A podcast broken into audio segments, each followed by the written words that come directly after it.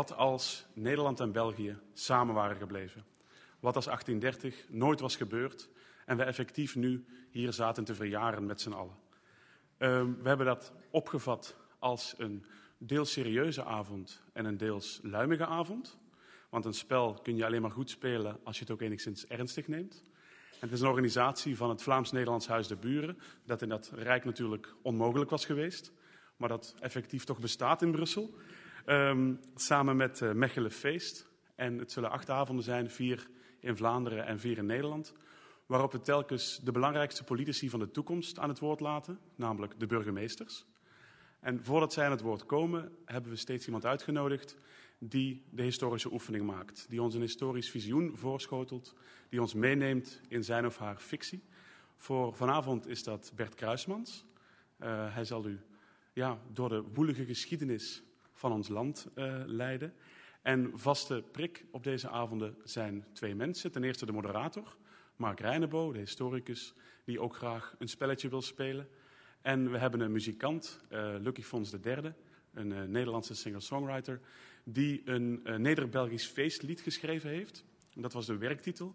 U krijgt vanavond de primeur van het lied. En ik ben heel benieuwd, want hij heeft angstvallig verborgen gehouden waar het over zal gaan. Dus het is voor mij ook een, een eerste keer dat ik dat mag gaan, gaan horen. Als u het mij toestaat, dames en heren, zou ik mijn bijdrage aan deze avond graag willen openen met een perscommuniqué van de Rijksvoorlichtingsdienst. 18 juni 2015. Heden heeft de auteur Bert Kruismans op het Koninklijk Paleis te Brussel de eer gehad het eerste exemplaar van zijn huldeboek 200 jaar Verenigd Koninkrijk der Nederlanden 1815-2015 te overhandigen aan zijn majesteit Willem-Alexander I en zijn ega koningin Mathilde. Dit vormt het begin van de feestelijkheden in de zuidelijke hoofdstad. Op 17 juni had het koningspaar reeds deelgenomen aan het volksfeest in Den Haag en Amsterdam en in Delft een bezoek gebracht aan het graf van koning Willem II, de overwinnaar van de slag bij Waterloo. Na de ontvangst van het boek vertrok het koninklijk paar naar het voormalige slagveld om daar aan de voet van de Lee van Waterloo het défilé van de Nederlandse strijdkrachten bij te wonen. Tot zover het communiqué van de Rijksvoorlichtingsdienst. Voor alle duidelijkheid, dit perscommuniqué is fictie. Ja, nu dat huldeboek van mezelf, dat komt er nog wel. Maar de kans is zeer klein dat ik het zal aanbieden aan Willem-Alexander en zijn echtgenote, wie het op dat moment ook uh, mogen zijn. Goed, fictie dus. Maar was dit scenario, een Verenigd Koninkrijk der Nederlanden, dat er nog steeds is in 2015, was dit scenario 200 jaar geleden ook volstrekt ondenkbaar? Ik denk het niet. De dingen lopen nooit zoals ze nu eenmaal moeten lopen. Er zijn steeds verscheidene pistes, opties, benutte en gemiste kansen. Jeroen Koch schrijft in zijn biografie van Willem I. De opstand van 1830 in de zuidelijke Nederlanden stond niet in de sterren geschreven, wat nationalistische geschiedschrijvers daar later in de 19e en de 20e eeuw ook over mogen hebben beweerd. En ik denk dat Jeroen Koch gelijk geeft. Geschiedenis wordt vaak geschreven door overwinnaars die het eindresultaat steeds als onvermijdelijk en logisch voorstellen. Het zijn zij die Tina aanbidden. There is no alternative. Doen alsof een evolutie onontkoombaar is, maakt deel uit van een politieke strategie. En dat is dan weer een citaat van de historicus De Wever, Bruno De Wever. In werkelijkheid wordt de uitkomst ook bepaald door stom toeval en door de twijfel en de individuele keuze van enkele belangrijke eh, spelers. Draait de keuze uit in hun voordelen, dan is er geen probleem. Dan wordt die twijfel, die ze hadden, snel onder de mat geveegd, waar die historisch stof mag beginnen vergaren. Dus oké, laten we er maar eens van uitgaan dat het ook anders had kunnen lopen. Dat we dit jaar van Delfzijl tot Arlon de 200ste verjaardag vieren van dat Verenigd Koninkrijk der Nederlanden. Zo'n denkoefening, volgens mij, kan therapeutisch werken.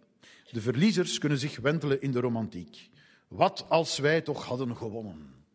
In welk een prachtige wereld zouden we dan heden ten dagen niet vertoeven? Het zijn overpeinzingen die ik uh, associeer met ex-Oostfronters of Oude kolonialen die in de bar Tropical van Johan Verminne, gelegen de Brusselse Matongewijk, hun weemoed naar het goede oude Belgisch Congo met goedkope wijn proberen te verdrijven. En ja, het doet mij ook wel denken aan nostalgische aanhangers van een groot Dietsland die met vochtige ogen staren naar een oude landkaart van dat machtige Verenigd Koninkrijk der Nederlanden. Kom aan, gooi er Frans-Vlaanderen ook nog maar bij. En die zuchtend de bedenking maken, kijk eens wat voor een straffe beer wij wel hadden kunnen zijn. Of een leeuw, u mag kiezen.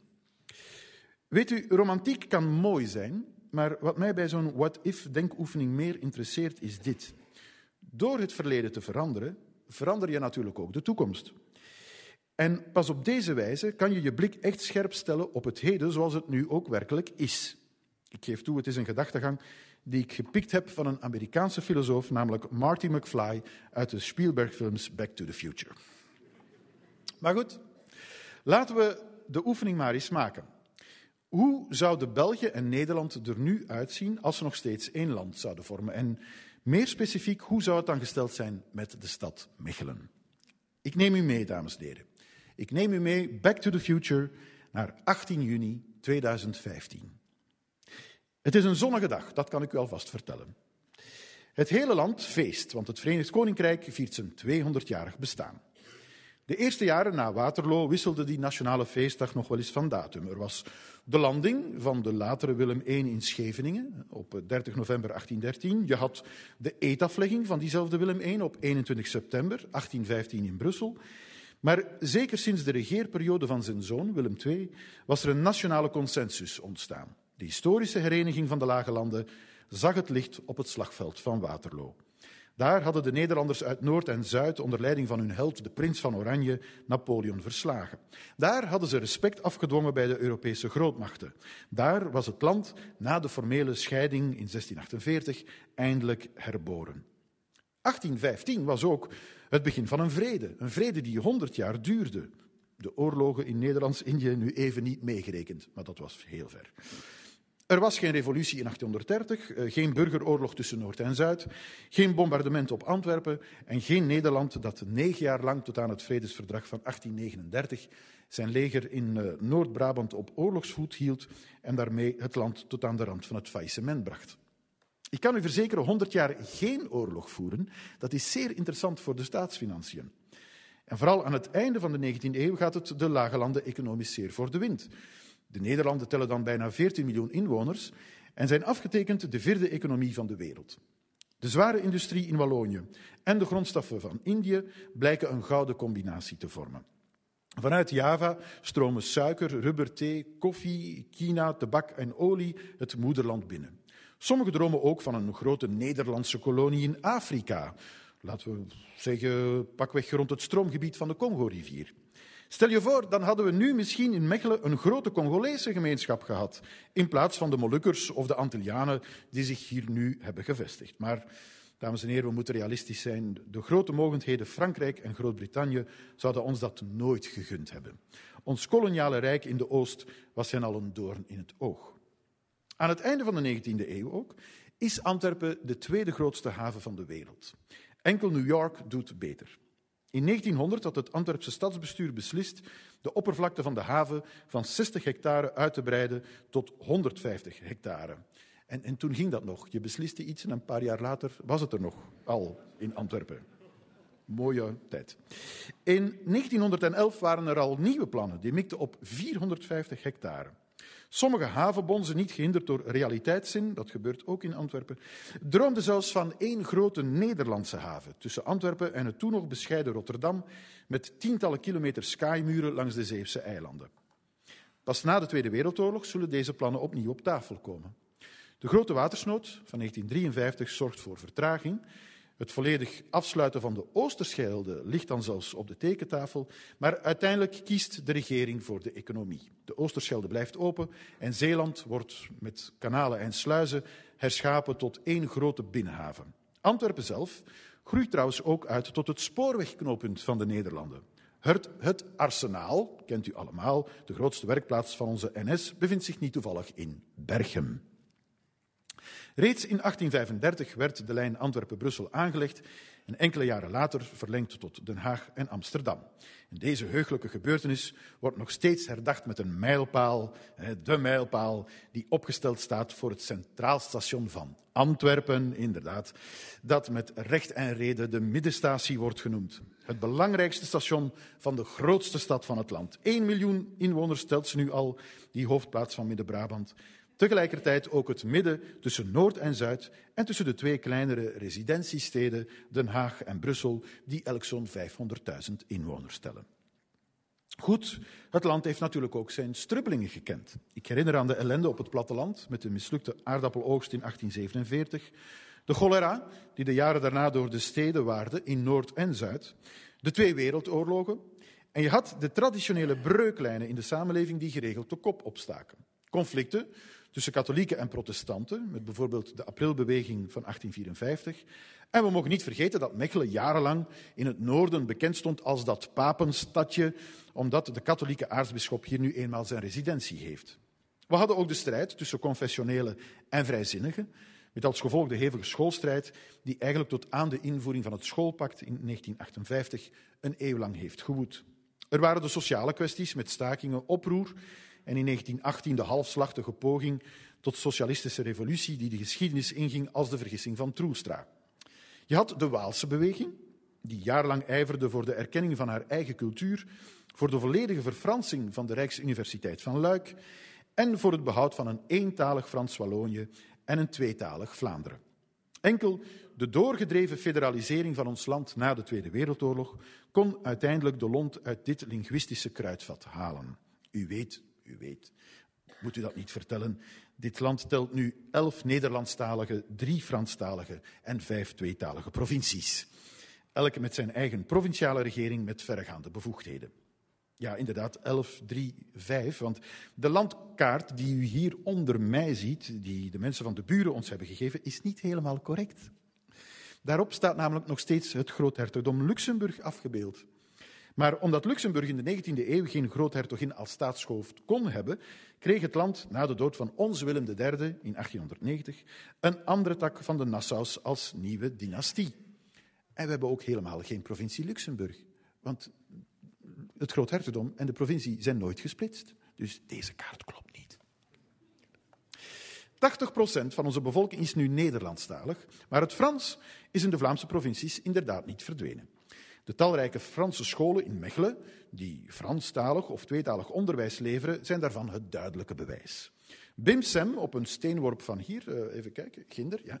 BIMSEM is de grootste Franstalige kostschool in de Nederlanden. En daar vind ik, meneer de burgemeester, mag Mechelen terecht fier op zijn.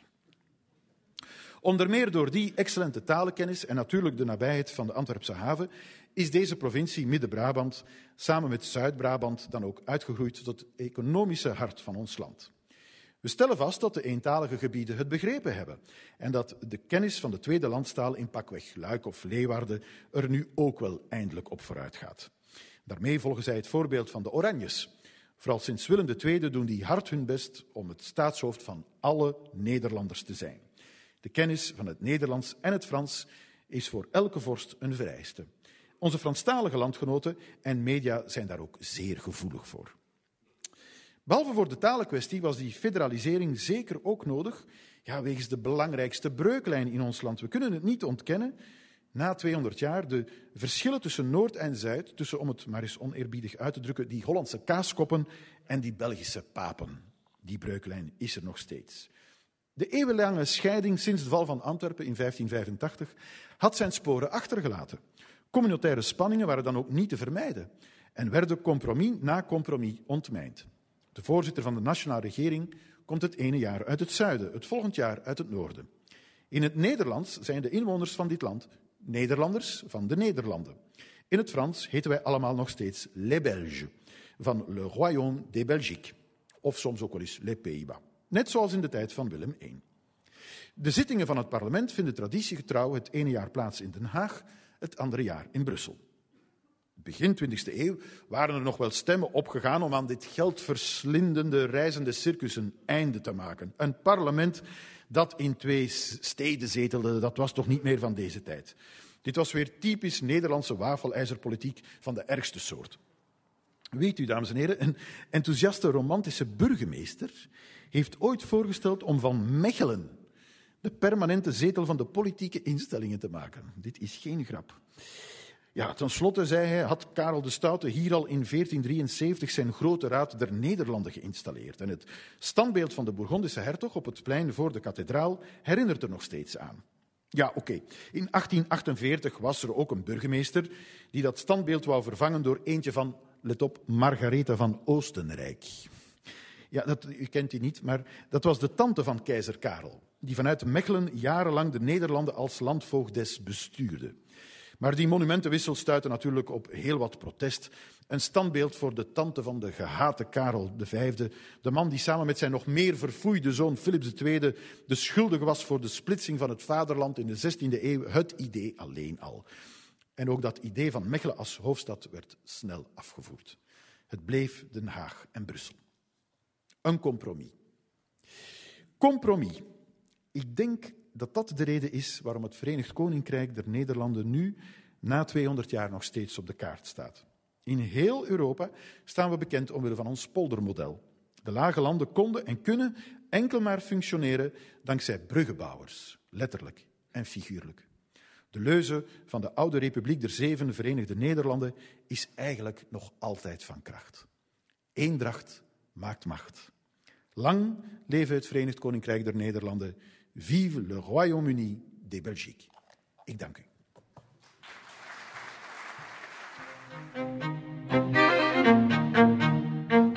Mij is gevraagd om kort uh, te reageren op de vorige spreker.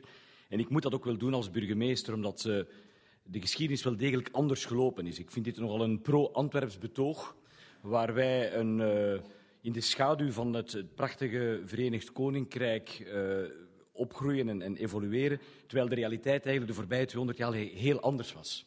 Toegegeven, de eerste 15 jaar, tussen 1815 en 1830, was er weinig aandacht voor Mechelen. Alle aandacht ging naar Cockerill, ging ook naar de katoen uh, en naar, naar uh, de weverijen in Gent. En onze stad werd wel enigszins verwaarloosd. Maar er is een heel belangrijke kentering gebeurd in 1827. In 1827 werd het een akkoord gemaakt, het concordaat, dat de godsdienstvrijheid in dat nieuwe koninkrijk moest herstellen. Waarbij het katholicisme een meer volwaardige plaats kreeg binnen de Nederlanden. Groot protest bij de protestanten in het noorden. De koning aarzelde. En men heeft in 1835 beslist om een katholieke universiteit herop te richten, maar niet in Leuven, maar hier in Mechelen. Zoals het tussen aakjes ook werkelijk gebeurd is bij het ontstaan van de Belgische staat. We wouden die in Mechelen, dicht bij de aartsbisschop, en die katholieke universiteit, die tenslotte de geloofsovertuiging was van de meerderheid van de inwoners van het Verenigd Koninkrijk, is uitgegroeid tot het intellectuele bastion en de grootste universiteit van de Nederlanden. 60.000 studenten, wat deze stad maakt tot een krachtig, krachtige stad in, in de Nederlanden. Twee, wat is er nog gebeurd? Een aantal straten hebben een andere naam gekregen. De Merodestraat bleef Koestraat. Want die querulent van 1830, die een kleine opstoot had veroorzaakt in Brussel, die we gelukkig snel de kop hebben kunnen indrukken, die uh, verdiende natuurlijk geen straat. Er is wel even discussie geweest om een Van de Merodestraat te maken. Want Van Merode was de officier van Willem van Oranje, die in 1572 Mechelen bevrijdde van de Spanjaarden. Maar na enige discussie hebben we toch maar besloten om de Koestraat Koestraat te laten. Want Van Merode die is eigenlijk met zijn troepen onmiddellijk gaan lopen toen Alva aan de poorten van Mechelen stond. En hij is eigenlijk verantwoordelijk voor het bloedbad dat toen is aangericht in ware IS-stijl door de legers van Alva bij de Spaanse Furie in oktober 1572. Dus Van Merode, ook al was hij een officier van Willem van Oranje, verdiende geen straat naar hem genoemd. Evident bleef het Egmontplein Egmontplein en werd dat niet kardinaal Mercierplein. Graaf van Egmond was een held in onze geschiedenis. Wat is er nog gebeurd? We hadden het geluk deelachtig te kunnen zijn aan de ruimtelijke planning van Noord-Nederland, waardoor het, het platteland de open ruimte open ruimte bleef. Met een prachtige Dijlen- en Zennevallei, hier vlakbij, een schitterend waverwoud ten oosten van onze stad. En de stad zelf telde telt vandaag 200.000 inwoners plus die 60.000 studenten. Over één zaak ben ik het fundamenteel ook oneens. Er was absoluut geen verfransing van Mechelen. David heeft in het klein seminarie geweest, de stichter van het Davidsfonds. Brussel was zelfs niet verfranst. De taal van de culturele en politieke elite was het Nederlands. Brussel is een Nederlandse stad gebleven. En Mechelen had nog een bijkomend geluk.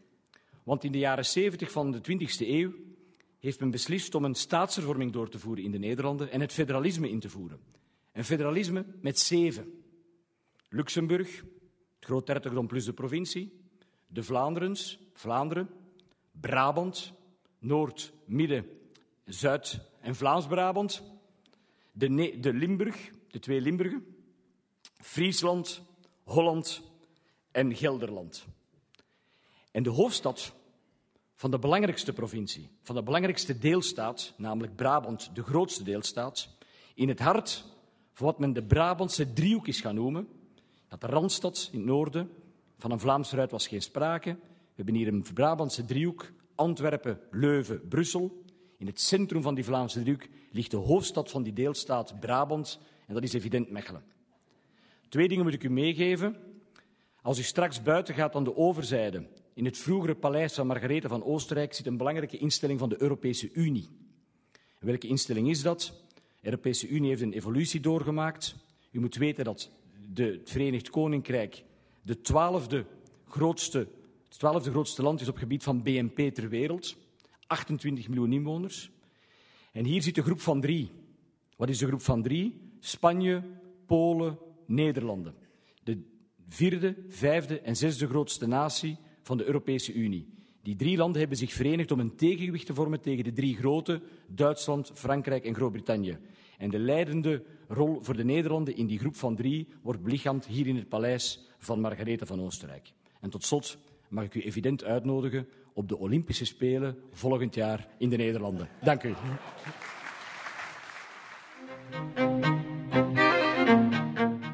Hoe reëel is zo'n uh, Verenigd Koninkrijk, die Nederlanden, als al zoiets fundamenteels zich voordoet. Dat zo'n accident mogelijk is. Dat een scheuring niet ontstaat omdat we dat willen, omdat we daarvoor vechten, omdat we gesteund worden door Qatar of zoiets. Stel dat zou gestaan hebben.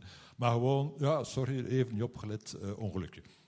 Maar, eh, zoals ik zei, uh, en zeker in die periode meer nog dan nu misschien, zijn de daden van individuen belangrijk.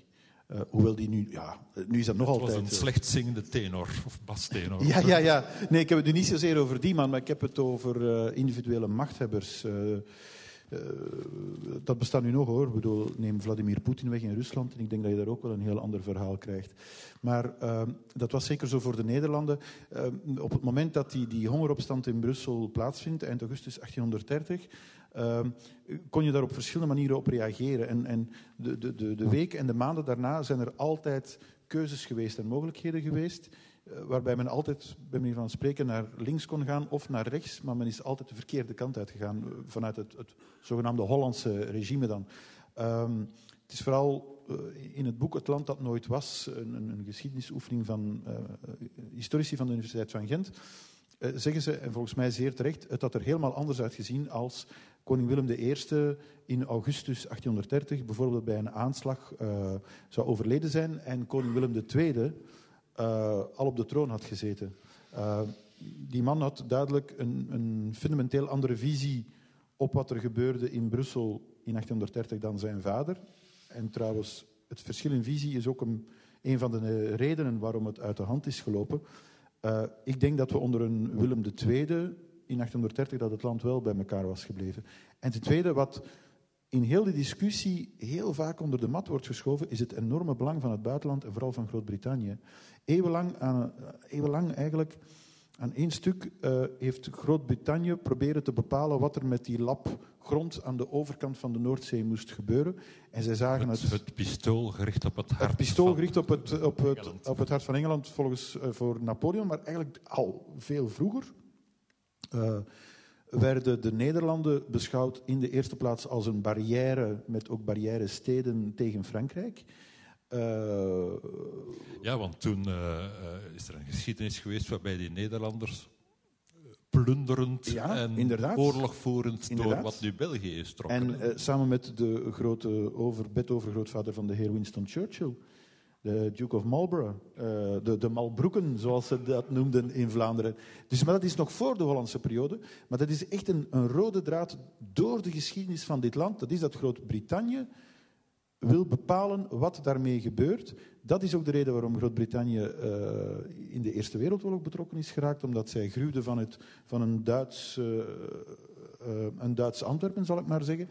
En de, de rol van Groot-Brittannië, zowel in 1815 als in 1830, is bijzonder groot. Mensen die zeggen dat België een kunstmatige staat is, hebben dan misschien wel gelijk, maar het Verenigd Koninkrijk der Nederlanden was dat ook. Dat was uiteindelijk een Brits protectoraat aan de overkant van de Noordzee, uh, de monding van de, van de rivieren, die zij zeer belangrijk vonden.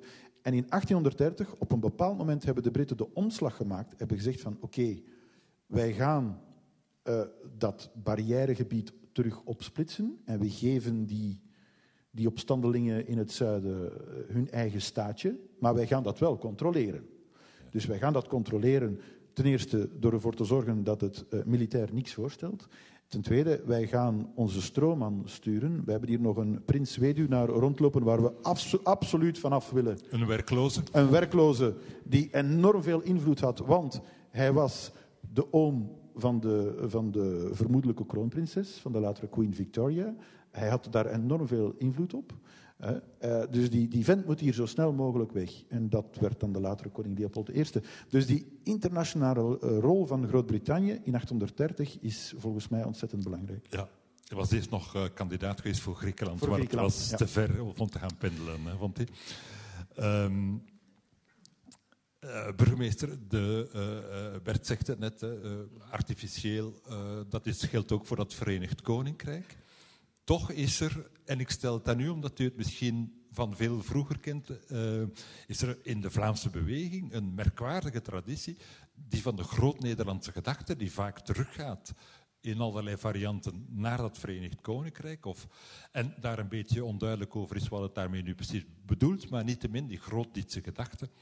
Um, die er wel van uitgaat dat daar een eenheid die historisch gegroeid is, et cetera, uh, en dus helemaal niet kunstmatig is.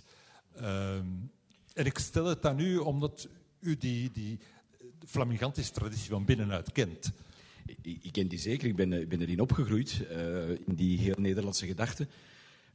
Maar daar valt ook iets voor te zeggen. Ik bedoel, als je kijkt naar 1830 of 1815, 1830, er waren toen verbindende factoren en er waren breuklijnen. En als u de vraag stelt, had dat mogelijk geweest, was het mogelijk geweest dat dat land overeind bleef en, en tot vandaag zou kunnen bestaan hebben, denk ik objectief wel.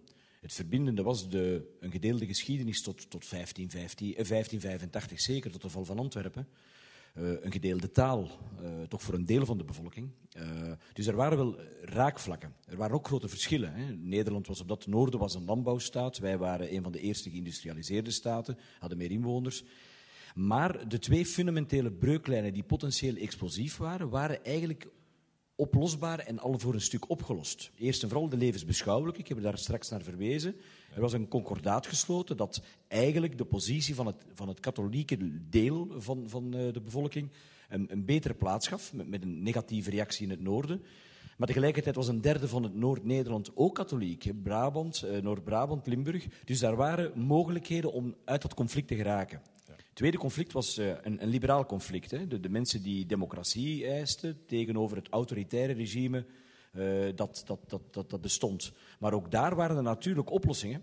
Want tegelijkertijd was er wel een grote interesse van, van, van de koning in uh, de economische ontwikkeling en de industrialisering. Ja. Dus daar, het orangisme bijvoorbeeld, in, in, dat heel sterk was in Gent, bestond ook voor een belangrijk deel uit, uit diezelfde, laat ik zeggen, uh, welvarende elite die op dat moment in Vlaanderen aanwezig was. Dus ik denk dat het perfect mogelijk moet geweest zijn Ja. die, om, om dat land overeind te houden.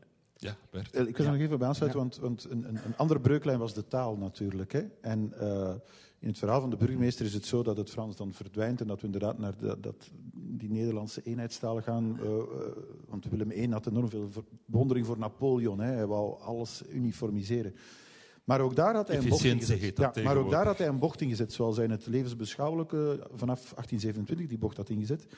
Ook daar, die taal, eh, dat idee van één taal voor het hele land, dat, dat begon hij ook al te, te, te verminderen. Dat, dat verzwakte ook vanaf 1829.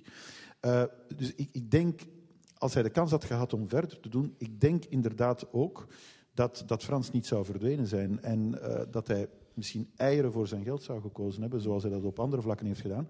En dat hij zou begrepen hebben dat het, dat het eh, niet realistisch was om eh, mensen van eh, het Groothertogdom Luxemburg bijvoorbeeld Nederlands te laten praten. En dat hij dat Frans zou toegelaten hebben in zijn staat, om die staat overeind te houden. Ja, bovendien was, ehm, was het zo dat, dat een groot deel van de bevolking eigenlijk op dat moment nog geen sterk ontwikkeld natiegevoel had hier. Als ik naar mijn eigen stad Mechelen kijk, in 1815 is de administratie van, van de, de Franse tijd gewoon blijven zitten. Die is gewoon in functie gebleven in belangrijke mate. En in 1830 was er helemaal geen Belgisch hoera-gevoel hier in deze stad. Er was helemaal geen grote betrokkenheid bij die Belgische revolutie. Mensen keken daarnaar eh, en, en, en zijn zich het daar geen ook- deel van. Ze Eh, zijn het er ook niet komen vragen. Ik bedoel, het was Zij- nog niet echt democratie. er was geen moment. democratie, maar er was ook geen opstand hier in Mechelen. Eh, er was hier ook geen, geen rumoer, er waren hier ook geen incidenten in de stad. Dus eigenlijk is dat iets dat eigenlijk voorbij, aan deze stad voorbij is gegaan, 1830, in belangrijke mate. Het leuke is ook het opportunisme dat daar rondhangt. Hè. Als je het, het nieuwste boek van Els Witte leest over, over het eh, orangisme in, eh, in de Nederlanden, dan, dan leer je dat ons eerste staatshoofd, Surlet de Choquier, schapenboer uit Gingelon, eh, dat, die, dat ze die man regent gemaakt hebben omdat hij eigenlijk stevige pro-Willem-gevoelens had. En om die over de streep te trekken, hebben ze die man eh, regent gemaakt. Dus heel veel van die eh, opstandelingen, zuidelijke opstandelingen, die wisselden ook van kamp. En het hing er een beetje vanaf van wie biedt mij hier voldoende geld. Een aantal van die beroemde Luikse opstandelingen die, eh, die de Belgische natie gesticht hebben, hadden er alle belang bij, bij de anarchie, want eh, er, er liepen processen tegen hen, er hingen hen gevangenisstraffen boven het hoofd, dus ze hadden er ook persoonlijk voordeel bij dat er, eh, ja, dat er ambras in de keet kwam. Ja, ehm, dat zijn allemaal heel plausibele historische elementen. Wat mij dan verbaast is, of eh, verbaast, de vraag die ik wil voorleggen, die groot-Nederlandse gedachte ook weer. Want eh, dat orangisme is niet hetzelfde als die groot-Nederlandse gedachte. Het is heimwee naar die verbondenheid met het Huis van Oranje. En vaak om economische motieven. Omwille van de afzet van de Gentse textielindustrie. En ook de textielindustrie in een stadje dat ik gisteren nog hoorde omschrijven door de Nederlandse premier- Rutte als Verviers. Omdat daar iets gebeurd is onlangs. Ehm, waren ook orangisten, had dus niets met de taal te maken. Ook de Gentse orangisten waren allemaal Frans Quillons trouwens.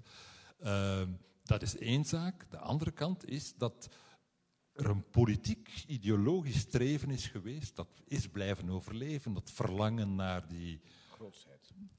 Is het dat, grootheid? Ik denk het wel. Ik denk, ik denk dat het vooral utopisch denken is. Hè. Ik denk dat het een, een, een houding is die je vaak in, in de politiek op verschillende manieren terug ziet komen. Mensen zeggen van kijk, mocht, mocht dat ons land kunnen worden, dan zijn al die problemen die we vandaag de dag kennen, al die negatieve dingen die we ervaren, die gaan dan opgelost zijn in één grote beweging. Eh, ik heb er daar juist een aantal voorbeelden gegeven. Onze ruimtelijke ordening zou er totaal anders uitgezien hebben, mochten we maar met Nederland samen eh, geweest zijn. We zouden wegen op de wereldgeschiedenis in Zuid-Afrika, we zouden een gemene best kunnen maken met Zuid-Afrika. Men sprak ongetwijfeld nog altijd in Indonesië, waar men nu met honderden miljoenen woont, allemaal Nederlands. Het We Ferdinand wereld- heeft dat nog voorgesteld. we waren een wereldtaal, eh, twaalfde grootste natie ter wereld. We wogen op de Europese Unie. Antwerpen was ongetwijfeld de grootste haven van de wereld Maar- geweest. maar en dat dus- zijn utopische ideeën waarbij men eigenlijk... eh, Dat is een stuk escapisme aan de realiteit. Eh, communisten hebben dat ook. Hè. Die, die dromen ook van een heilstaat. En dan wordt een beetje dat groot Nederlands ideaal wordt een stuk een heilstaat. Een, een, een weerspiegeling van alle politieke dromen en utopieën die mensen kunnen hebben. En tegelijkertijd is het natuurlijk ook plezant. Het is iets romantisch, het heeft iets weemoedig. Eh, het is... Het is eh, Maar Je hebt natuurlijk ook- mensen die, die vinden dat alle problemen zijn opgelost als hun land vergroten. Je hebt andere mensen die vinden dat alle problemen zijn opgelost als hun land verkleinen. En het vreemde is dat dat soms dezelfde mensen zijn. In dit geval is dat heel duidelijk zo. Ja. En er, is, er is een wet van eh, een historicus, professor Verhulst, eh, een aantal jaren geleden gestorven. eh, die stelt dat de groot-Nederlandse gedachte vooral populair is op het moment dat de Vlaamse beweging zwak is. Dat zij dus haar politieke zwakte compenseert door de grootheid van haar dromen. En hoe meer macht zij heeft, hoe minder zij groot Nederlands is. Dus een constant in de geschiedenis gaat op en af. Maar als u bijvoorbeeld zegt over die ruimtelijke ordening, dan moet u wel bijnemen dat we allemaal heel klein zullen wonen. En Absoluut. dat we uh, allemaal Juist. heel duur zullen wonen en woningnood Juist. zullen hebben ja. gehad gedurende tientallen jaren. Dat is het, het, het, het, het vreemde aan ook die uh, orangistische beweging. Dat is uh, zij gaan dat niet realistisch onderzoeken en ook niet genuanceerd. Zij vertrekken van een stelling en gaan dan allerlei elementen zoeken die passen in hun kraam. Hè. Je hebt nu dat, dat u verwees naar dat artikel in de Volkskrant. Eh, de mensen van de Orangistische beweging in, uh, in Gent zeiden van ja, Willem I heeft heel veel goeds gedaan voor, uh, voor deze stad. Hij heeft het kanaal Gent-Terneuzen, begin van, de, van de, de haven van Gent. Universiteit. Universiteit. Maar wat ze dan niet zeggen is van, kijk, als dat land bij elkaar zou gebleven zijn, ten eerste was het dus kleiner geworden, want wij hadden geen, zoals ik zei, we hadden geen provincie Luxemburg gehad. Want je had scheuring Belgisch-Luxemburg, groothertogdom, wat die in 1839 heeft plaatsgevonden, was niet gebeurd. Groothertogdom Luxemburg uh, had een aparte grondwet en kon alleen mannelijke staatshoofden hebben. En dat betekent dus dat op het moment dat Wilhelmina op, dreigt, feit, dreigt, op de troon zal komen... Het is zondag vrouwendag, ja, Bert, let op je woord. Uh, op de troon zal komen, uh, is dat groothertogdom Luxemburg naar een andere tak van de Nassau's gegaan. Dus Arlon, Marjan-Famenne, Virton, Neufchâteau zouden in het buitenland gelegen hebben. En meer specifiek voor Gent, zoals ik al zei, ik ben er vast van overtuigd dat dat de Antwerpse haven die nu, je moet eens gaan kijken, uh, echt stopt aan de grens. je ziet boven Zandvliet, je ziet dat echt mooi. Ja, die zou natuurlijk verder ontwikkeld geweest zijn. Uh, ook omdat uh, de ontwikkeling, de echte ontwikkeling van Rotterdam is er pas gekomen vanaf, vanaf 1867, terwijl in 1830 was de grootste haven van de Lage Landen was echt wel Antwerpen. Dus als alle aandacht naar Antwerpen zou gegaan zijn, ja, dat kanaal Gent-Terneuzen lag er wel, maar je kan er vergif op innemen dat ten eerste Zeebrugge niet zou bestaan hebben als uh, haven. En ten tweede dat die haven van Gent veel kleiner zou geweest zijn. En dat hoor ik die orangisten uit Gent dus nooit zeggen. Ze doen aan cherrypicking. Ze nemen alleen de dingen eruit die uh, in hun voordeel spreken. Ja, uh, komt daar ook niet nog iets anders bij? Jullie hebben het al twee al even aangeraakt. Maar als ik die dromen geargumenteerd zie, dan is het altijd, wij zouden zoveel groter zijn en zoveel rijker. Wij zouden de vijfde economie van de wereld. Wij zouden een vaste zetel in de Veiligheidsraad van de Verenigde Naties. De G8, president van Europa. Een echte dan. Uh, er is een soort megalomanie, die een verlangen naar grootheid, terwijl onze perceptie, enfin, toch mijn perceptie op al die middelgrote tot grote landen is. Wat voor arrogante staten zijn dat allemaal. Gelukkig maak ik daar geen deel van uit. Ja, ook op cultureel vlak. Hè. Kijk, schaalgrootte heeft zijn voordelen. Der Spiegel heeft 80 fact-checkers in dienst. Ik weet niet hoe dat bij de standaard zit, maar als ik de standaard lees, dan is dat volgens mij minder. Het, het zijn er minder en zeker in vakantieperiodes. Ja. Dus schaal, schaalgrootte heeft zijn voordelen. Maar, maar ik, ik zal, moet u een bekentenis doen van Weilen Johan Struijen, die, uh, uh, die ik nog gekend heb. Die is al lang geleden gestorven, was een journalist uh, die in Brussel woonde. En die zei van, ach, waren wij maar aangehecht gebleven bij uh, Frankrijk, dan schreven wij nu allemaal voor Le Monde. Ja, ja want elke Fransman schrijft voor Le Monde. Uh, maar Frankrijk is een mooi voorbeeld. Uh, je zegt van ja, groter zijn en tof. En, en dan, uh, we werken allemaal voor die grote uitgeverij in Amsterdam en op cultureel vlak. En wat voor films kunnen we niet maken en wat voor televisieprogramma's. Uh, als je weet dat de heer Joop van den Ende himself heeft mij ooit toevertrouwd dat het, het, de Soundmix Show, dat, je, dat hij die maakte voor Portugal, dat hij dat programma maakte toen in Belgische frank was dat, want ze werkte met Belgische frank in Portugal. Nee, nee, het was in Belgische frank dat hij mij het zei. Uh, dat was 400.000 eh, frank per aflevering. Dat was er ook aan te zien. En datzelfde programma, de Soundmix Show, maakte hij voor, voor Frankrijk voor 40 miljoen Belgische frank per aflevering. 1 miljoen euro. Dus je kan zeggen van, wat voor middelen zouden wij niet gehad hebben? Maar, dan kijk ik naar Frankrijk en dan zie ik een land met en schitterende boeken, schitterende tijdschriften en wat weet ik allemaal, een druk intellectueel leven in Parijs, maar wel geen hond die een andere taal spreekt. En net omdat het land zo groot is, is het enorm in zichzelf gekeerd. En dat, net dat geldt ook voor de Verenigde Staten, waar iedereen denkt dat België in Brussel ligt. Uh, wij hebben het voordeel. En, en waar niemand een paspoort heeft, dat Ja, ze nooit. wij hebben het voordeel van het nadeel. Net omdat wij een klein land zijn, zijn wij wel verplicht om naar buiten te kijken. Dat is iets wat wij delen met, met de, de, de Luxemburgers bijvoorbeeld. Dus zeggen van het heeft alleen maar voordelen om groter te zijn, ik ben daar niet van overtuigd. Een mooi, een mooi voorbeeld daarvan is, is de stad Mechelen zelf. Eh, Uiteraard. Wa- waarom? In welke zin? Wij waren de kleinste van de 17 provincies. En dat is waarschijnlijk de reden waarom dat wij hier de Grote Raad hebben gekregen. Omdat je juist on- omdat je ongevaarlijk was, Precies, omdat je ja. geen, eh, geen machtspositie had, kreeg je mogelijkheden die, die je anders niet zou dat is de reden waarom hebben. België, België altijd hetzelfde- al hetzelfde, voorbeeld eh, is Brussel. Eh, Brussel is vandaag de dag een, een ongelooflijk belangrijke internationale stad. Veel belangrijker dan haar inwonersaantal doet vermoeden. Hè. We zijn de, de tweede congresstad, denk ik, ter wereld. Eh, er zitten meer diplomaten hier dan in Washington. Met alle mogelijkheden en alle voordelen die dat heeft. Ook een aantal nadelen, maar ook wel heel veel voordelen. Dat heeft misschien mee te maken dankzij het feit dat we in een klein land leven. Dus het- België- er is inderdaad aan elke schaal, denk ik, heb je voor- en nadelen. Wil, waar- waarom heb je zoveel Belgen in topfuncties in internationale organisaties? Omdat niemand bang is van ons. Maar ik denk dat, ik denk, als je vraagt van waar komt dat, dat groot Nederlandse denken, ik denk dat eh, de beweging die dat draagt, hè, een nationalistische beweging, is een beweging die onvrede heeft met de huidige staatsvorm. En eh, een beweging, mensen die, die onvrede hebben met het huidige, die denken of hopen of, of, of zijn ervan overtuigd dat het gras aan de overkant groener is. En wil zeggen, als we in een andere staatsvorm, dat kan een kleinere of een grotere zijn, als we daarin terechtkomen, gaan een aantal maatschappelijke problemen die we nu moeilijk kunnen oplossen, gaan dan gemakkelijker oplosbaar zijn. En evident ziet men dan de mooie kanten van het verhaal. Hè.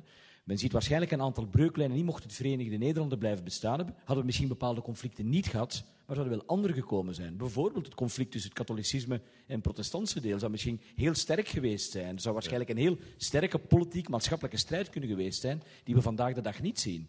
En, en, en, en, en dat is denk ik een. eh, dat is het boeiende aan, aan natuurlijk de what-if-verhaaltjes. eh, Ja, waarbij je ook de vraag kunt stellen, eh, er is een soort positieve sfeer, ook omdat het niet bestaat natuurlijk aan dat voortgezette Verenigd Koninkrijk, maar er is een reden geweest waarom daar politiek protest tegen was. En wat mij altijd verbaasd heeft, je had in eh, het, het zuiden, het huidige België, grosso modo een monsterverbond tussen liberalen en katholieken. katholieken die elk op hun terrein een bepaalde manier van vrijheid zochten, namelijk eh, vrijheid van meningsuiting, vrijheid van onderwijs, vrijheid van vergadering, dat soort dingen. Die vonden elkaar daarin. En zij stuiten voortdurend op verzet in Nederland, in de Nederlandse Staten-Generaal, in de vertegenwoordiging, omdat het een soort verlichte eh, eh, dictatuur was eh, die daar heerste met de koning, maar ook omdat zij niet meetelden, de zogenaamde Hollandse rekenkunde, waarbij de Belgen numeriek niet volgens hun gewicht meetelden. En het zou een beetje anachronistisch zijn om democratie te vragen, maar dat is wel de reden geweest waarom die Ik denk dat je, revolutie, laten we zeggen, aan het broeien was. ik denk dat je zelfs een een negatieve identiteitsvorming hebt gekregen in die periode. Wat was eigenlijk de, de echte situatie? Dat je in Nederland had je een, een, een nazistaat. Die bestond al sinds eh, de 17e eeuw. Ik denk dat er een, een, een sterk natiebewustzijn was. Goed georganiseerde staat die eigenlijk het zuiden, dat altijd bezet was geweest, dat nooit zelfstandig was geweest, dat toch verbrokkeld was, nog altijd een beetje in de middeleeuwse feudaliteit zat, kreeg dat op, in haar schoot geworpen. Wa- waren met meer mensen, waren eigenlijk rijker, waren meer geïndustrialiseerd, eh, hadden dus meer economische macht dan het noorden en toch waren ze politiek minder belangrijk. En ik denk dat daaruit een samenwerking is ontstaan die een soort negatieve identiteit heeft opgebouwd tegenover de noordelijke bezitter of... of, of eh, Bezitter. Scherp, scherp, dat is te scherp gezegd, maar, maar de, de, de, de Nederlandse macht die in het noorden zat en waar zij te weinig deel konden van uitmaken. En dat zal waarschijnlijk een deel verklaard hebben, maar nogmaals, dat dat een deel is van de elite toen. Het is heel moeilijk in te schatten hoe diep dat, dat zat. Als je kijkt wat er in 1830 gebeurd is, denk ik dat dat niet erg diep zat, want mensen waren bereid om in die, in, die nieuwe staat te functioneren en te leven. Ik denk dat er toen ook eh, een heel sterke nog een lokale identiteitsbeleving was, dat er nog niet een echte natiebeleving in, in onze contrij bestond. Maar ik denk dat dat toen gebeurde is dat je een opbouw had van een, van een negatieve identiteit ten aanzien van het noorden, dat eh, protestants was, dat ver weg was, dat eigenlijk de baas kwam spelen, waar, eh, waar de politieke beslissingen echt genomen werden. U, u sprak over de verlichte dictatuur hè, en, en dat dan dat monsterverbond van liberalen en, en katholieken daartegen reageerde. Eh, waarom de katholieken reageerden, enfin, ja, dat, dat was eigenlijk evident. Hè, eh, omdat, ja, goed. Maar het opvallende is dat we zijn misschien te snel geweest in het zuiden. Want als je dan kijkt naar de geschiedenis van Nederland na uh, die onafhankelijkheidsstrijd in 1830, blijkt eigenlijk hebben de Nederlanders die Willem I ook buiten gezet. En eigenlijk om net dezelfde reden als die liberalen dat bij ons hebben gedaan. Het, het gebrek aan ministeriële verantwoordelijkheid, het geknoei met de staatsfinanciën. Daar kwam nog eens het faillissement van de staat bovenop willen om zijn idee fix tot 1839 dat hij die staat wou terugkrijgen, enfin, het zouden wou terugkrijgen. En ze hebben hem in 1840 aan de deur eigenlijk gezegd van dank u wel, u mag gaan, we gaan het met uw zoon doen. En het opvallende is dat Torbeke, de, de jurist Torbeke, eerst hoogleraar was aan de Universiteit van Gent.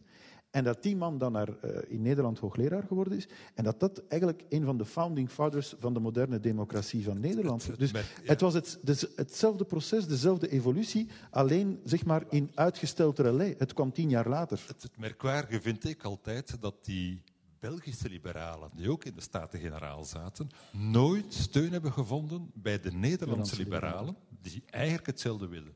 En ze hebben het pas toegestaan, of althans het doorgedrukt op het moment dat die vervelende Belgen er niet meer bij waren. Waarbij je eigenlijk kunt veronderstellen, er is daar, uh, dat men eigenlijk uh, gewoon wilde eerder tolereren wij nog die uh, ouderwetse feodale koning, dan dat wij de Belgen hun zin geven. En dat daar toch.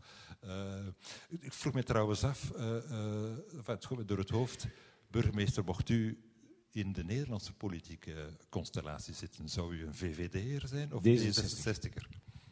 Ik ben eigenlijk, er zitten trouwens mensen in de zaal die dat weten, de eerste partij waar ik uh, enorm inspirerend vond was Jan Terlouw, koning van Katoren. Ben, was de, de, de voorzitter, partijleider van D66, ik was toen heel jong. Het was eigenlijk het eerste politieke boek dat ik ooit gelezen heb. En, en dan zijn wij naar Nederland gegaan met wat vrienden. Ze hebben het congres van D66 gaan volgen, Hans van Mierlo. Eigenlijk, dat is een deel van mijn politieke opvoeding geweest. Uh, ja. Democratische 66. VVD'er geweest. Uh, heren, uh, ik denk, ik heb mijn weg vergeten en ik tracht even te kijken op dat ellendig spul hier. Uh, maar dat we er een punt moeten aanzetten. Ik wil nog één laatste kwestie ehm, aan u voorleggen. Of althans, het is, het is één, één ideetje dat ik nu eigenlijk niet op mijn papier vind, maar toch zeer belangrijk was. Ehm, dat is hoe, hoe belangrijk is, of we zijn nu een spel aan het spelen voor een stuk natuurlijk, maar zo serieus mogelijk. Hoe belangrijk is dat in het denken over politiek? Misschien burgemeester eerst. Zulke oefeningen? Ja. Behalve dat het vermakelijk kan zijn. Het is vermakelijk, het is een gezelschapsspel eigenlijk met de geschiedenis, maar ook wel leerrijk. Uh, boeiende vind ik, als ik dat nog mag zeggen, in mijn relatie met Nederland, of de relatie die wij als, als Vlamingen hebben met, met Nederlanders, is dat we dezelfde taal delen. En telkens wanneer ik naar Nederland op bezoek ga, we zijn onder andere verzusterd met Helmond, dan merk je dat je wel dezelfde taal spreekt, maar toch een heel fundamenteel verschillende cultuur hebt. En, ik heb zelfs het gevoel dat de voorbije 30, 40 jaar we cultureel meer uit elkaar zijn gegroeid. En dat maakt het ongelooflijk fascinerend om, om in eenzelfde taal over dingen te kunnen praten, waardoor er soms ook misverstanden ontstaan. Want je denkt dat je hetzelfde aan het zeggen bent, maar al wat er onder uw woorden zit, al wat er onder uw redenering zit, is soms heel uiteenlopend. Dat is iets dat je alleen met Nederlanders hebt. Als je met Fransen en met Engelsen besef je veel sneller en veel intenser dat je met mensen praat die een heel andere culturele achtergrond hebben, een heel andere geschiedenis hebben. Doe je dat met Nederlanders, dan heb je zeer, is, dat, is, dat daar niet, is dat niet zo manifest aanwezig in, in het debat. En dat maakt die confrontatie of die dialoog met, met Nederlanders ongelooflijk uh, boeiend. Ja. Bert, uh, uh, voor jou ook een, een laatste vraag. Uh, het viel me op dat je eindigt met compromissen, bruggenbouwers, wat wij vanuit de Belgische context goed kennen, ook vanuit de mhm. Vlaamse context. U zit in meerderheden, uh, burgemeester, u weet hoe dat gaat. Uh, maar tegelijkertijd ook polderen, wat een zeer duidelijk Nederlands begrip is. U stelt dat eigenlijk in ja, een beetje als synoniemen. Uh, zijn die politieke culturen, ondanks al die verschillen, eigenlijk toch niet hetzelfde? We praten veel en we zien wel wat eruit komt? In elk geval uh, is mijn idee van ja, als dat land bij elkaar zou gebleven zijn, dan zou dat alleen maar kunnen door, door, door dat compromis. Wij denken altijd van, oh, wij Belgen, wij moeten aan wafelijzerpolitiek doen en wij moeten dat doen. Maar daarom dat ik het voorbeeld geef van de twee hoofdsteden, wat dus ook zo was. Hè. Het ene jaar kwam de Staten-Generaal samen in Den Haag, het andere jaar in Brussel. in We kennen nog 1830. zulke entiteiten Ja, vandaag Kijk, waarin dat ja, bestaat. kijk, dus wij, wij, wij hebben nogal eh, snel de neiging om daar negatief over te doen van het is weer typisch Belgisch en, eh, en, en dit apenland enzovoort enzovoort. Maar dan, er zijn wel meerdere apenlanden hè, in de wereld. Eh, dus dat, dat compromis zat al, er al voor een stuk echt ingebakken. En het is ook zo dat, dat Willem I er echt een nadruk op legde dat in, in alle overheidscommunicatie dat van Arlon tot eh, Leeuwarden noemde hij zijn inwoners Nederlanders. En in het Frans was dat Les Belges. Ja. Dus dat, dat, dat compromis zat er al in, ingepakt. En ik denk dat het compromis enkel had kunnen... Dat het, het, het Verenigd Koninkrijk enkel had kunnen bestaan eh, door het ene compromis na het andere. En hij was daar dus mee begonnen. Hè. Eh, in 1827, 1829, Ja. 1830 was hij daarmee begonnen. Eh, maar ja, oké, het ging niet snel genoeg en daardoor is de geschiedenis anders gegaan. Heb dus ook een eh, lied geschreven, speciaal voor vanavond. eh, en dat volgt ook het concept van de avond. Het is een, eh, ja, een lied dat zich afspeelt in het fictieve Verenigd Koninkrijk der Nederlanden, wat eh, 200 jaar bestaat, de afgelopen 200 jaar. Maar mijn, ik dacht, als we over de verleden mogen fantaseren, dan mag het ook wel over de toekomst. Dus in, mijn lied gaat het 400 jaar door. Het speelt zich af, eh, het begint dus in 1815. En ik zing het, eh, vanuit, eh, ik zing het vanuit het perspectief van eh, het jaar 2215. en ehm, ik wil er even bij zeggen, het heet De Ballade van de Kiel. En ik, ik weet niet of iedereen weet wat een kiel is. Maar een kiel is dus een, ehm, een, een kledingstuk. Het is zo'n zo'n een boerenkiel heb je ook. Ja, zo'n, weet je wel, zo'n blouse zonder knopen over je hoofd heen, zonder boord. Ja, jullie weten het wel. Oké. Nou ja, ik, vaak roep ik aan het begin van mijn liedjes waar gebeurt verhaal, maar dit dus niet. Ehm, de ballade van de kiel, 200 jaar. Nou, het begint dus in 1815. In 1815 kreeg Kees een goed idee. Hij dacht ik ga naar het zuiden en ik neem mijn broertjes mee. En dan begin ik een nieuw leven en ook een nieuw bedrijf. Dan maak ik noordelijke kleren voor het zuidelijke lijf.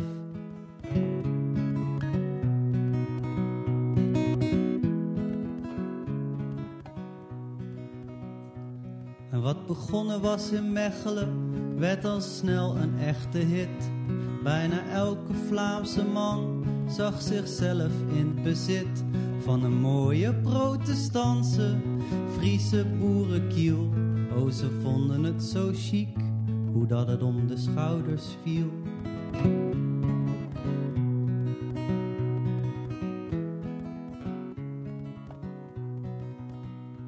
En Kees die werd een rijke man en kocht een mooie koets. Waarmee hij ieder jaar naar Sneek terug kon om te denken aan zijn roots. En dat was in 1815 geen gedoe en geen probleem. Je had het noorden en het zuiden, maar het land dat was één. Oké, nu gaat het dus eh 100 jaar eh, vooruit, 1915. En in 1915 stond de wereld in de brand. Maar de oorlog woedde buiten, het was rustig in het land. Er werd hier niet geschoten en het land was geen partij. En rustig als de keukenhof lag het Vlaamse veld erbij.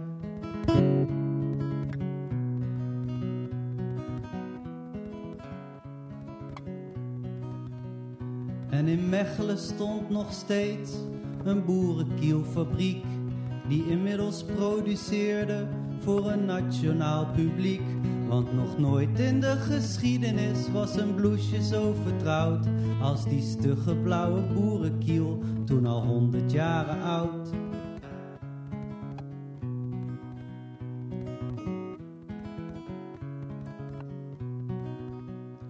En Kees werd een legende van de Ardennen tot het wat. Als de man die met zijn kleren het hele land verenigd had. En het zuiden was het zuiden nog en het noorden nog het noorden. Maar niemand die betwijfelde of ze bij elkander hoorden. Oké, dan gaan we weer eh 100 jaar vooruit, flash forward, naar het jaar eh, eh, 2015. Nu 200 jaar geleden. En in het jaar 2015 was het nog altijd niet gedaan. De directie van het bedrijf vierde twee eeuwen bestaan. Van de Kees en van zijn leven en zijn dappere besluit. Maar alles wat Kees zelf deed, dat besteden ze nu uit.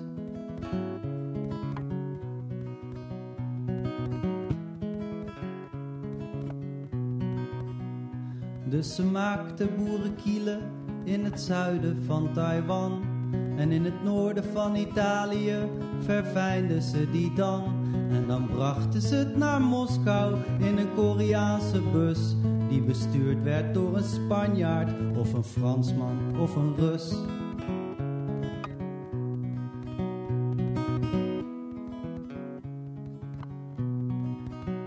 Want de wereld werd verliefd op onze nationale dracht. Zoals 200 jaar eerder door een man uit Sneek bedacht. En dat was in 2015 geen gedoe en geen probleem. Want als het om de mode ging, was de wereld allang één. Oké, eh, no- nog één keer eh, 100 jaar vooruit graag. Eh, we gaan nu naar het, land, naar het jaar 2115. Wel slecht nieuws, begin ik mee. Want in 2115 bestond het land niet meer. Door een technische ontwikkeling in het menselijk verkeer. Je kon met één druk op een knopje op een andere plek gaan staan. Als de regering het had willen stoppen, nou dan kreeg ze het niet gedaan.